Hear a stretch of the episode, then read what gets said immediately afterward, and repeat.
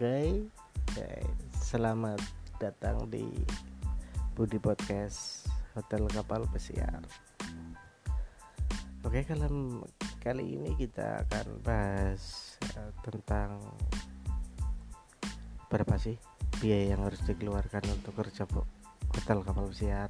Nah, itu pasti kan anda pertanyaan-tanya nah, dalam benak anda pasti, wah habisnya bisa puluhan juta. Iya, memang kalau anda nggak tahu caranya anda kan uh, kemakan broker atau calo ataupun oknum-oknum yang memang uh, mencari keuntungan. Jadi di sini sebenarnya untuk kerja kapal pesiar itu anda itu bisa dengan biaya 0% nah gimana sih caranya? Yes, anda pasti bertanya-tanya kan apa sih? Iya tuh kerja kapal pesiar nggak pakai biaya sebenarnya iya. Jadi kerja ke kapal pesiar itu sebenarnya nggak perlu biaya banyak. Jadi yang biaya dikeluarkan contohnya nih uh, di kapal kita ataupun di uh, tempat lembaga kita gitu. ah biasanya nih anak-anak itu ngambil kapal yang tiketnya dibelikan dari agen. Nah, jadi setelah anak-anak pada OJT itu kan pasti akan melamar melamar atau interview. Nah, ambillah kapal yang tiketnya tidak berbayar. Karena kapal itu ada dua. Ada tiket berbayar nanti harus dibayar dulu. Tiket itu tiket e, dari Indonesia dari Bandara Suta itu sampai ke negara tujuan. Jadi e, linknya itu anda ngambil kapal apa nih? Kapal link Eropa link Asia atau link Amerika? Nah itu kan tiket pesawatnya ada yang dibelikan ada yang dibeli sendiri nanti di atas kapal diganti. Nah itu ada dua kriteria. Nah untuk biayanya gimana sih? Kalau di tempat kami biaya kursus 10 juta taruhlah. Tapi ketika anda OJT atau PKL itu bisa mendapatkan 50 juta. Ah dari mana itu? Uh, jadi ketika PKL ke Thailand itu anda akan mendapatkan uang saku. Nah, uang sakunya bisa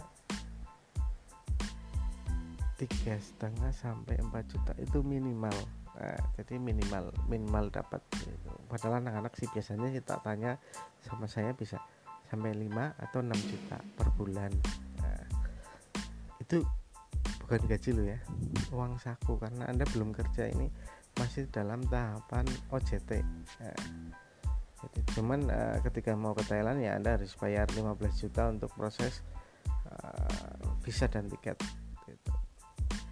jadi taruhlah ini gambarannya kursus 10 tambah 15 juta uh, untuk uh, proses ke Thailand. Jadi total 25 nah uh, ketika 25 juta anda keluarkan tapi ketika anda di Thailand satu tahun taruhlah anda mendapatkan 4 juta aja. 4 juta kali satu tahun. Nah, anda akan mendapatkan uh, 4 kali 10 aja udah 40 juta bisa 48 juta. Itu minimal anda dapat. Padahal anak-anak biasanya satu bulan bisa 5 sampai 6 nah 5 sampai 6 bisa anda hitung sendiri gitu loh. Bisa habis berapa kan?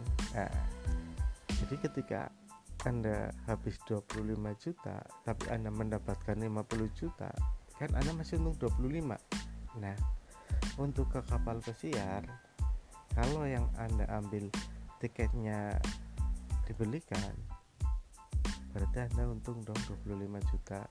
Nah, cuman memang ah, nanti anda akan membuat uh, dokumen kayak BST buku pelaut dan lain-lain itu sekitar paling habis sekitar 4 jutaan. Nah masih untung dong umumnya anda taruhlah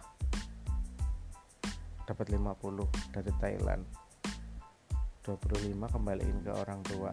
Masih nyakuin 25 yang 5 buat dokumen ambil tiket yang dibelikan dari agen. Nah anda masih ngesakuin 20 juta. Nah kenapa bisa begitu? Ya bisa karena anda mendapatkan uang saku. Nah, itulah rahasia untuk memang anda bisa kerja ke kapal pesiar tanpa biaya.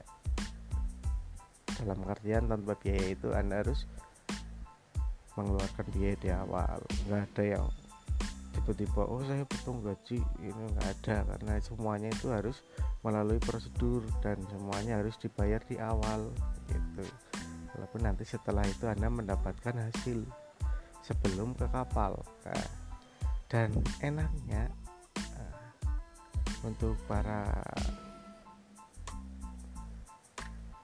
uh, apa OJT yang di luar negeri itu untuk mencari kapal pesiar itu peluangnya itu lebih bagus kenapa bisa begitu nah oke okay. nanti kita akan bahas uh, tentang uh, trik biar anda